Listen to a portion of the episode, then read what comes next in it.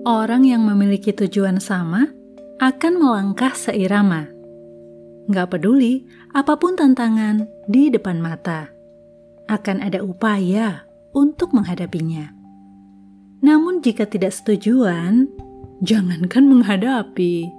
Sedikit tantangan saja, mudah berhenti, lalu mencari pengganti yang menyenangkan hati.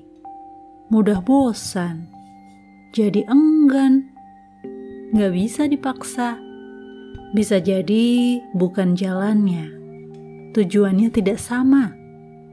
Atau tentang mental yang lemah. Yang tak memiliki daya juang terhadap sesuatu yang diinginkan. Sebab keinginan tanpa daya juang, ya sia-sia. Selamanya tak akan terlaksana.